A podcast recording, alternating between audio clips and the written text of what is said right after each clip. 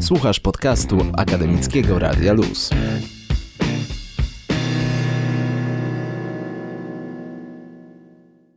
Słuchacie Akademickiego Radia Luz na 91 i 6 FM, a jest to audycja popularno-naukowa na synapsach. No i teraz zrobi się troszeczkę bardziej egzotycznie. Są z nami goście. Kuba Maciążek Witam. i Marcin Szuster. Cześć, dziękuję Cześć, za zaproszenie. Cześć chłopaki. E, No i czemu będzie bardziej egzotycznie? Bo porozmawiamy sobie dzisiaj o Papui Nowej Gwinei, a dokładniej o projekcie chłopaków z Koła Naukowego Solwros Politechniki Wrocławskiej dla tego kraju. Panowie, wyjaśnijcie nam. Więc Papua Nowa Gwinea jest krajem nisko rozwiniętym, o górzystym, może trudno dostępnym terenie i boryka się z problemem, że ciężko jest przemieszczać się pomiędzy różnymi punktami, co powoduje, że mieszkańcy nie do końca mają dostęp do placówek zdrowotnych. Powiedzmy na przykład, że utrudniony dostęp do szczepień i został wymyślony pomysł, a, aby ankietyzować, zbierać dane o konkretnych miejscach, konkretnych y, rodzinach. I w jakiś sposób tym ludziom po prostu pomóc. I wy z Politechniki Wrocławskiej wyszliście temu naprzeciw. Kuba. To jest e, swoją drogą bardzo ciekawa historia, jak to do nas trafiło, bo ten projekt jest pomysłem doktora, który pracuje e, tam w Papui na miejscu, mieszka tam od dłuższego czasu i on dostrzegł ten problem, że ze względu na problemy z korupcją i właśnie niską też świadomością e, podejścia do zdrowia osobistego, nie jest rozwinięta tam ta opieka zdrowotna i on stwierdził, że on wyjdzie naprzeciw temu problemowi i postara się jakby dostarczyć do ludności, wysłać tam do nich lekarzy, ale do tego potrzebuje zebrać te dane, aby wiedzieć, dokąd tych lekarzy wysłać. Aby zbudować system do zbierania tych informacji, aby wiedzieć, dokąd wysyłać tę pomoc, zwrócił się do Komisji Pomocy Humanitarnej przy naszym rządzie, gdzie w tamtym czasie e, pracowała Beata Kempa. E, Ona zwróciła się do naszego rektora, on przekazał dalej informacje do kół. I w tym momencie wkraczacie wy, czyli informatycy z Wydziału Podstawowych Problemów Techniki. Pierw doktor poprosił, aby e, jedna osoba z koła pojechała tam na miejsce do Papui, e, żeby zobaczyć, jak wyglądają realia tego kraju, ponieważ on stwierdził, że on nie będzie w stanie wytłumaczyć nam, jak do końca wygląda tam ta sytuacja. Że, że aby to dokładnie zrozumieć i dobrze zaprojektować system, aby on właściwie działał, ktoś musi tam pojechać i zobaczyć, jak to właściwie wygląda. Więc tą osobą, która pojechała, żeby sprawdzić, jak się tam żyje, byłeś ty, Kuba. Tak, tak właśnie wyszło. Nawet widzę, tak jeszcze, jeszcze to opolenizna ci trochę nie zeszła. No i co? Papua, Nowa Gwinea, jakie są twoje doświadczenia? Ja zostałem tam troszeczkę do tego jak polecony przez znajomego, który tam więcej działał w kole, ponieważ stwierdził, że ja jestem podróżnikiem tam powiedzmy, więc pewnie podołam w jakimś stopniu temu zadaniu. Ja byłem bardzo zaskoczony. Papua Nowa Gwinea była zdecydowanie całkowicie odmienna od jakiegokolwiek miejsca, w którym wcześniej byłem, głównie ze względu na e, przeszłość kolonialną. Przez to ta struktura społeczna jest tam zdecydowanie inna. Kraj boryka się dosyć mocno z korupcją, rząd nie jest do końca zorganizowany i ciężko, żeby w takim środowisku działała opieka zdrowotna. Jak pomyślimy kraj trzeciego świata, te rzeczy właśnie przychodzą nam na myśl. Tak. I z tym, się, z tym się spotkałeś. Kuba, ty tam byłeś. Jako ten konsultant dla całego koła, który ma ustalić, jak ma to wyglądać i jak przede wszystkim zacząć projektować cały ten system. Jakie są twoje wrażenia? Bo to musiała być przygoda życia. Tak, aczkolwiek to nie zawsze było łatwe, ponieważ czasami sporo czasu bardzo spędziłem jakby zamknięty tam w domu, w którym sp- spędziłem większość czasu, ponieważ... W ogóle Papua Nowa Gwinea to jest państwo takie wyspiarskie, w sensie wyspa. Tak, ale... Gdzie tam dokładnie byłeś? W stolicy? Jak to, jest wyglądało? tak, e, ja wylądowałem w stolicy i stamtąd po dwóch dniach poleciałem do miasta, które było stolicą prowincji, ale to tak 30 tysięcy mieszkańców, tylko bez żadnych wysokich budynków, żeby sobie nie wyobrażać. Mhm. I tam był taki dom, który był naszą główną bazą i stamtąd mieliśmy jeździć do wioski, gdzie był drugi dom, w którym mieliśmy zamieszkiwać. Ale I to było w ramach polskiej ambasady, czy w ramach fundacji? to było w ramach Fundacji Doktora, e, który zażyczył sobie tę naszą pomoc.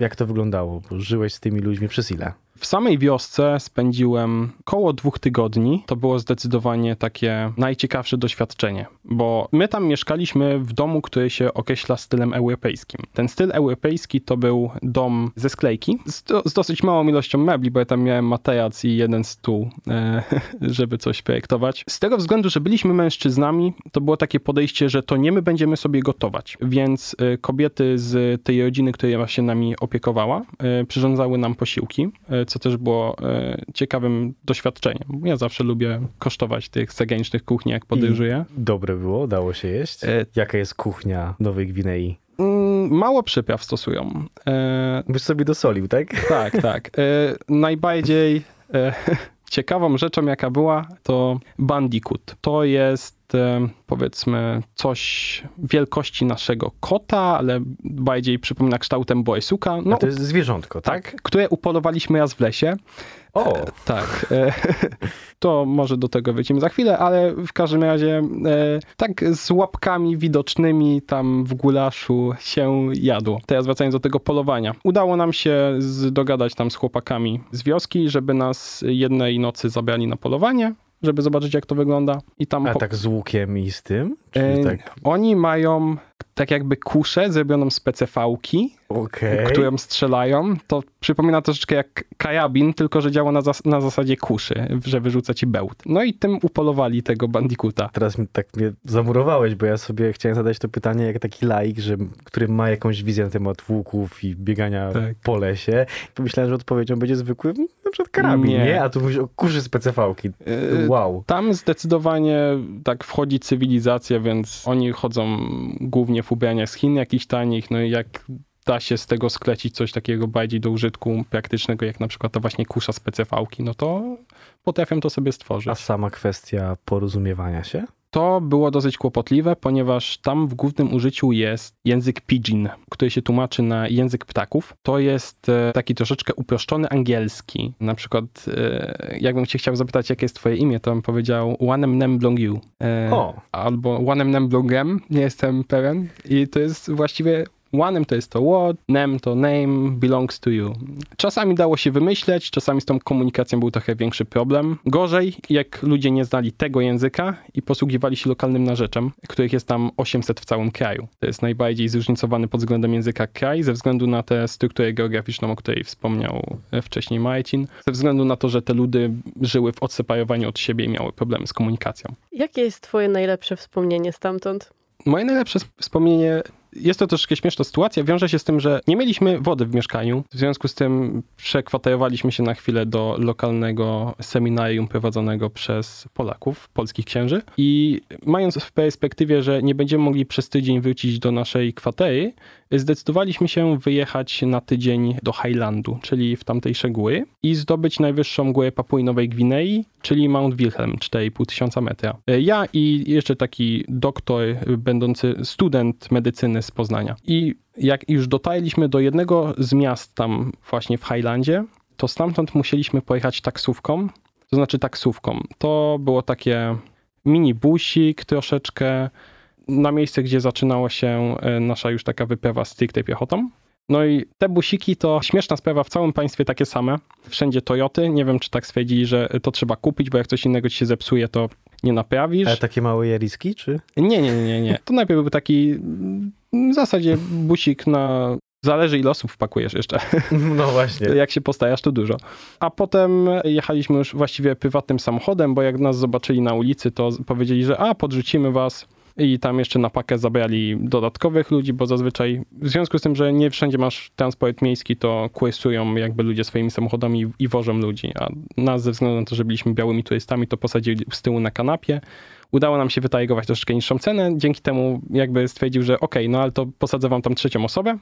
I taką dziewczynę, która wracała do domu, posadził tam do nas na kanapę i ona tak od słowa do słowa stwierdziła, że a to ona z nami pójdzie sobie na tę wyprawę w te góry, na te 4,5 tysiąca metra. Ale jakby przygotowania? tubylkę, że tak powiem. Tak, e, wracała do siebie do domu, tam do wioski na tych 3000 metrów, skąd zaczynaliśmy. Tam Mieliśmy też umówionego przez tych księży przewodnika. Okazało się, że będzie jednak dwóch, a dodatkowo ich dwóch takich e, tragarzy, tam jakieś dzieciaczki z wioski. Więc e, z nas dwóch i naszego jednego przewodnika zrobiła się wyprawa, musiałbym to policzyć, siedmioosobowa. I najpierw dotarliśmy do takiej chatki przy jeziorach na wysokości mniej więcej 4000 metrów na nocleg i tam już podejście było dosyć ciężkie. Ja sporo chodzę po górach, ale już dało mi to w kość. W tej chacie została ta dziewczyna, co z nami szła, tych dwóch chłopaczków i też niestety ten student drugi medycyny, co ze mną szedł, ponieważ zaczynał już lekko odczuwać chorobę wysokościową.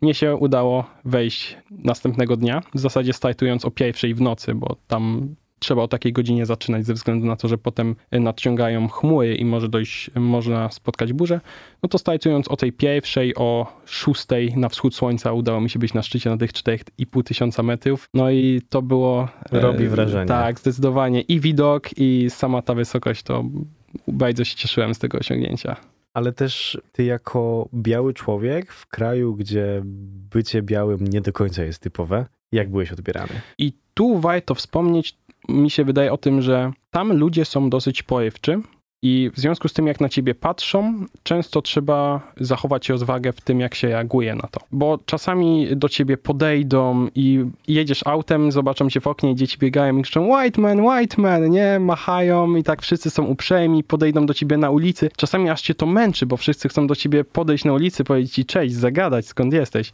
A z drugiej strony mogą do ciebie podejść, a daj mi, masz może dwa telefony, to może mi dasz jeden, nie? No bo oni są przyzwyczajeni, że biały człowiek im może coś dać. Gringo no i, to bogaty. Tak. Nie? I jeżeli nie odpowiesz im dostatecznie uprzejmie, albo na przykład będą pijani, no to możesz różnych sytuacji dostąpić. Nieprzyjemnych. Tak. Czasami w ogóle też jak się napiją, to rzucą kamieniem, dlatego auta mają często zakratowane szyby. Ale ja spotkałem się z taką sytuacją tylko jeden raz. A tak to dla mnie byli bardzo uprzejmi, też wracając do tej naszej wyprawy. My w tej bazie posiedniej jakby spaliśmy w osobnym domku, ale na wieczór poszliśmy do nich jakby do takiego szałasu, w którym oni spali i też bardzo przyjaźnie tam sobie z nimi posiedzieliśmy przy ognisku. Oni też byli troszkę zdziwieni naszym podejściem, bo zazwyczaj jedzie tam bogaty turysta, zachowuje się troszeczkę inaczej niż student, który tam z nimi pójdzie, coś się napije.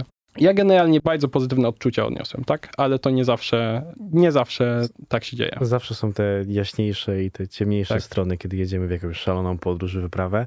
No i bardzo się w naszej audycji na synapsach zrobiło podróżniczo, a nie naukowo. Czemu? Zaraz wam wytłumaczymy. Do tej nauki wrócimy, a teraz gramy na antenie Akademickiego Radia Luz. Słuchacie Akademickiego Radia Luz na synapsach. Rozmawialiśmy o tym, jak wygląda podróż do Papui Nowej Gwinei. A teraz wracamy do tego, od czego wyszliśmy, czyli do aplikacji, którą tak. tworzycie. Tak, no to podstawowa kwestia jest tak. Co było naszym celem? Zebrać te dane na podstawie zdefiniowanej przez doktora Elisa, który był pomysłodawcą projektu. Zebrać te dane, przypisać je do obszaru i na podstawie tego określić, jaka tam jest e, sytuacja, bo to też jest często problem, że służby medyczne nie wiedzą, jaka jest po prostu sytuacja. Poczekaj, i jakie dane? Bo to jeszcze nie padło. To jest właśnie dosyć szerokie zagadnienie, bo ja może dla przykładu posłużę się y, na, na temat szczepień, głównie dzieci, albo suplementacji y, witaminą A i jeszcze jednym innym środkiem kobiet w ciąży. To są takie rzeczy medyczne, od których właściwie wychodził projekt. I tak przykładowo, jeżeli dzięki naszemu programowi uda się zebrać te dane, oni na przykład będą mogli określić, ok, w tej wiosce y, mamy tyle a tyle dzieciaków, które są nieszczepione na to, to wyślijmy im tam z pobliskiej placówki doktora, żeby je zaszczepił. A poza tym jeszcze będą wiedzieli, ile szczepionek sprowadzić, co nie jest takie proste, bo zapewnione tam przez, e, powiedzmy, zapewnione. Lodówki na szczepionki to jest troszeczkę żart, jeżeli chodzi o pojemność na tamtejszą ludność. I dlatego jest właśnie bardzo ważne zarządzanie tymi zasobami. Więc e, nasza aplikacja pozwoli wprowadzić odpowiedzi na te zdefiniowane ankiety do systemu. E, do tego wykorzystujemy jakby stworzony wcześniej program Lime Savvy, którym po prostu dostosowujemy do naszych potrzeb, a od podstaw piszemy aplikację, która na podstawie tych zebranych w bazie danych będzie generowała raporty zdefiniowane przez doktora. To są dosyć na razie proste raporty, bardziej polegające na zliczaniu y, odpowiedzi na danym regionie, żeby na przykład wiedzieć, że ok, to ustawiamy sobie filtry, że chcę poznać odpowiedzi dla tej prowincji, tej gminy i konkretnie tej wioski z tego zagadnienia, czyli na przykład szczepień. I dostajemy raport, który mówi nam o tym, że w tej wiosce jest na przykład niezaszczepionych 60% dzieci, czyli jest to na przykład 12. W tej sytuacji oni mogą na miejscu się zdecydować, ok, no to musimy poprosić, żeby przyjechał do nas pielęgniarz bądź doktor z tej pobliskiej placówki i nam te dzieci zaszczepił. Przy czym równolegle z tym projektem oni są uświadamieni na temat potrzeb, dlaczego w ogóle te szczepienia tam są potrzebne, dlaczego jest potrzeba ich prowadzenia, bo dla nich to nie jest oczywiste, że jak się tego dziecka nie zaszczepi, to na przykład potem e, zachoruje na malarię i będzie mieć poważne powikłania. Czyli jedna sprawa to jest ta taka popularyzacja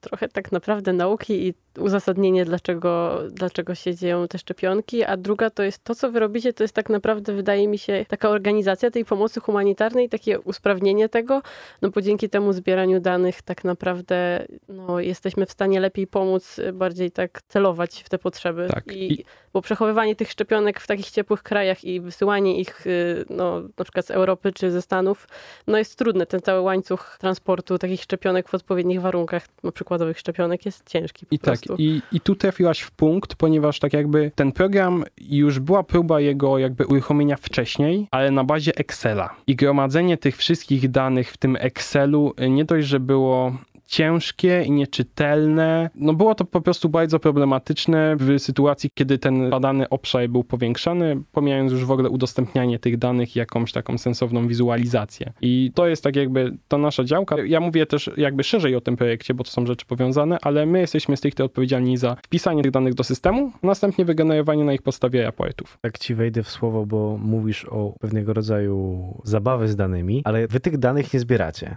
Nie. Do tego na miejscu są rekrutowani y, lokalni wolontariusze, co też bywa problematyczne. Oni nie zawsze chcą się zaangażować, ale z drugiej strony tam dużo ludzi ma dużo wolnego czasu, tak? Tylko no, jest inna mentalność, że jeżeli nic człowiek nie robi, to czas nie płynie. No nie Piękna zawsze. sprawa, tak No. poza tym. Tak. Oni no, żyją po prostu dużo bardziej spokojnie, tak? Doktor jest za to odpowiedzialny, żeby tam znaleźć tych ludzi, którzy na miejscu będą wypełniać te ankiety i potem wpisywać je do systemu. Potem te dane przerabiacie? Ten nasz system ma je przerabiać, tak? To miałem właśnie Tak. na myśli. Ale w całym tym projekcie, oprócz pewnego rodzaju generowania raportów, myśleliście o tym, żeby pobawić się w przewidywanie? To znaczy, to tak, to już jak, jakieś takie, ale to na poziomie abstrakcyjnym bardziej prowadzone rozmowy były, no bo to oczywiście są rzeczy na przyszłość. To jakby na tym etapie, na którym to jest, to y, troszeczkę czasu zajmuje i oczywiście zostawiamy sobie możliwość rozszerzania tego, no ale to są rzeczy, kwestie przyszłościowe.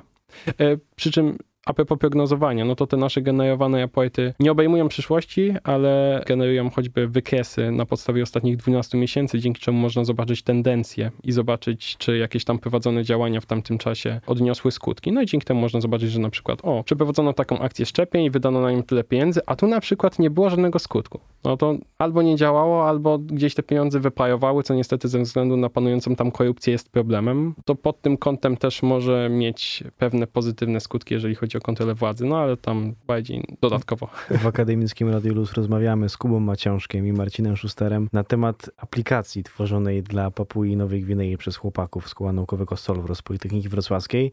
Do rozmowy wrócimy za chwilę. Zostańcie z nami na 91 i 6 FM. Kuba. Aplikacja jest stworzona dla Papui Nowej Gwinei i ona jakoś y, hula, zbiera dane, znaczy do sobie dostarczane dane i generuje raporty. Na jakim jesteście etapie? Y, więc y, nie, jeszcze niestety nie hula. Oj, oj. Y, Na razie jesteśmy po prezentacji demo dla projektora. Jeszcze dochodzą do tego ostatnie szlify, zdefiniowanie jeszcze kilku raportów, tak jakby dodanie całej otoczki wizualnej, plus postawienie tego oczywiście na serwerze, plus implementacja jeszcze zbierania danych do pliku, żeby można go było przysłać pocztą. No bo ze względu na problemy tam z zasięgiem, to może być bardzo przydatne, żeby je przesłać na przykład na pendrive'ie i zauploadować gdzieś do centralnej bazy, tak. Ale już mając tą wizję, jak to będzie funkcjonowało, to chyba macie takie poczucie pewnego rodzaju misji. To Tak. znaczy, ja powiem tak, tam ostatnio prowadziłem rozmowę ze znajomym, że tam czasami niektórzy mało się udzielają w kole, no bo szczególnie takich informatycznych, no bo jak już w zasadzie na drugim roku można iść do pracy, no to po co tak w kole? Ale ja tutaj, no się cieszę. Nie, nie wiadomo, jak do końca się ten projekt sprawdzi, no bo to jest bardzo innowacyjne. Ale jeżeli się uda faktycznie wprowadzić to do obiegu, jeżeli komuś pomoże, no to ja będę bardzo szczęśliwy, nie? I tu oczywiście chciałbym na koniec jeszcze podziękować koledze z teamu, Damianowi Kokotowi, który mi bardzo w tym momencie w Polsce przy chodzeniu nad tym bardzo pomaga i to dla niego też na pewno wtedy podziękowania będą. Jeszcze nie kończymy naszej rozmowy, bo mówisz o kole. Koło naukowe Solwros Politechniki Wrocławskiej, które jak widać robi naprawdę wspaniałe projekty, ale chyba nie tylko tym się zajmujecie. Może już dość tej papui. A kole jest nas już jak około 40 osób i poza tym prowadzimy kilka innych projektów. E, Zbieramy się w teamy i tworzymy aplikacje, które jak widzicie są i będą używane w praktyce. E, naszym projektem, nad którym myślimy teraz i pracujemy, jest aplikacja dla województwa dolnośląskiego, która ma udostępniać możliwość wysyłania petycji obywatelskich i monitorowania, w jakim stanie przetworzenia znajdują się przez władze e, wykonawcze i ustawodawcze. Każdy będzie mógł dodać swoją petycję i monitorować, patrzeć, jakikolwiek temat go interesuje. Bardzo ambitnie i tak. Społeczne projekty. Tak, w tym momencie właśnie dogadujemy, jak, jak ma wyglądać aplikacja w szczegółach i zbieramy ludzi, którzy będą chcieli ją wykonać. Więc zapraszacie przy okazji do koła. Tak, y, przydaliby nam się jacyś perfrontendowcy, bo ich nigdy dużo. nigdy, nigdy za dużo. Ale oprócz tego projektu dla województwa też machine learning, coś takiego słyszałem, i prelekcja. Właśnie przede wszystkim jesteśmy kołem y, od aplikacji webowych i mobilnych, ale od jakiegoś czasu prowadzimy też, można powiedzieć, taką sekcję machine learningową, w której kilka osób również pracuje nad projektami w tej właśnie dziedzinie. Niedawno ukończyli projekt, który pozwala na żywo znajdować środek twarzy i pokazywać taki ładny czerwony punkcik, jakby ktoś w nich celował. Aha. E, I teraz przechodzimy do coraz to bardziej ambitnych projektów, jak na przykład symulowanie różnego rodzaju sieci, aby można było wykrywać w nich jakieś zakłócenia. Na przykład w systemie bankowym próby defraudacji pieniędzy. Mhm, mhm. Więcej informacji o Was na fanpage'u i również czasem, no wiadomo, sytuacja jest jaka jest, ale czasem też możemy Was spotkać na żywo. W tamtym semestrze organizowaliście różnego rodzaju prelekcje. No i myślę, że z rozpoczęciem nowego semestru również, również coś się będzie u Was działo, chyba że jakiś webinar, panowie. Co o tym E, myślicie? Super pomysł z webinarem, e, to trzeba przemyśleć. Będziemy poruszać na pewno więcej tematów około programistycznych. Stay tuned, że tak powiem, jeśli chodzi o informacje odnośnie koła naukowego Solvro. My w Akademickim Radiu Luz rozmawialiśmy z Kubą Maciążkiem i Marcinem Szusterem. Bardzo wam panowie dziękuję za naprawdę, no przez chwilę w naszej audycji zrobiło się bardzo podróżniczo. Właśnie dzięki tobie, Kubo. Panowie, do usłyszenia na pewno na 91.6 FM, bo te tematy naprawdę warto poruszać i mocno za was trzymamy kciuki w Akademickim Radiu Luz, żeby wszystkie wasze projekty i też, żeby ta aplikacja bardzo ambitna dla, dla Papui Nowej Gwinei faktycznie miała dobre zastosowanie. Bardzo wam dziękuję, chłopaki. Do usłyszenia. Cześć. Była to archiwalna rozmowa z panami z Koła Naukowego Solvro na Politechnice Wrocławskiej o aplikacji, którą tworzą dla Papui i Nowej Gwinei. W ramach archiwalnych nagrań na 91 i 6 FM od poniedziałku do piątku po godzinie 12 ukazują się najlepsze rozmowy, które pojawiły się na antenie akademickiego Radia Luz. Zapraszamy Was również do zaglądnięcia na podcasty na naszej stronie 916.fm oraz Spotify, gdzie znajdziecie więcej ciekawych rozmów. Również słyszymy się o 15 w Dzieje się, gdzie codzienne materiały dnia przygotowała dla Was ekipa reporterów Radia Luz pod wodzą Michała Sałkowskiego. To tyle. Byli z Wami Jakub Jastrzębski i Agnieszka Barbach. Bardzo Wam dziękujemy za słuchanie. Zostańcie w domu z Akademickim Radiem Luz na 91 i 6 FM. Akademickie Radio Luz. Dzięki za słuchanie. Sprawdź więcej rozmów i podcastów na 916.fm. Do usłyszenia.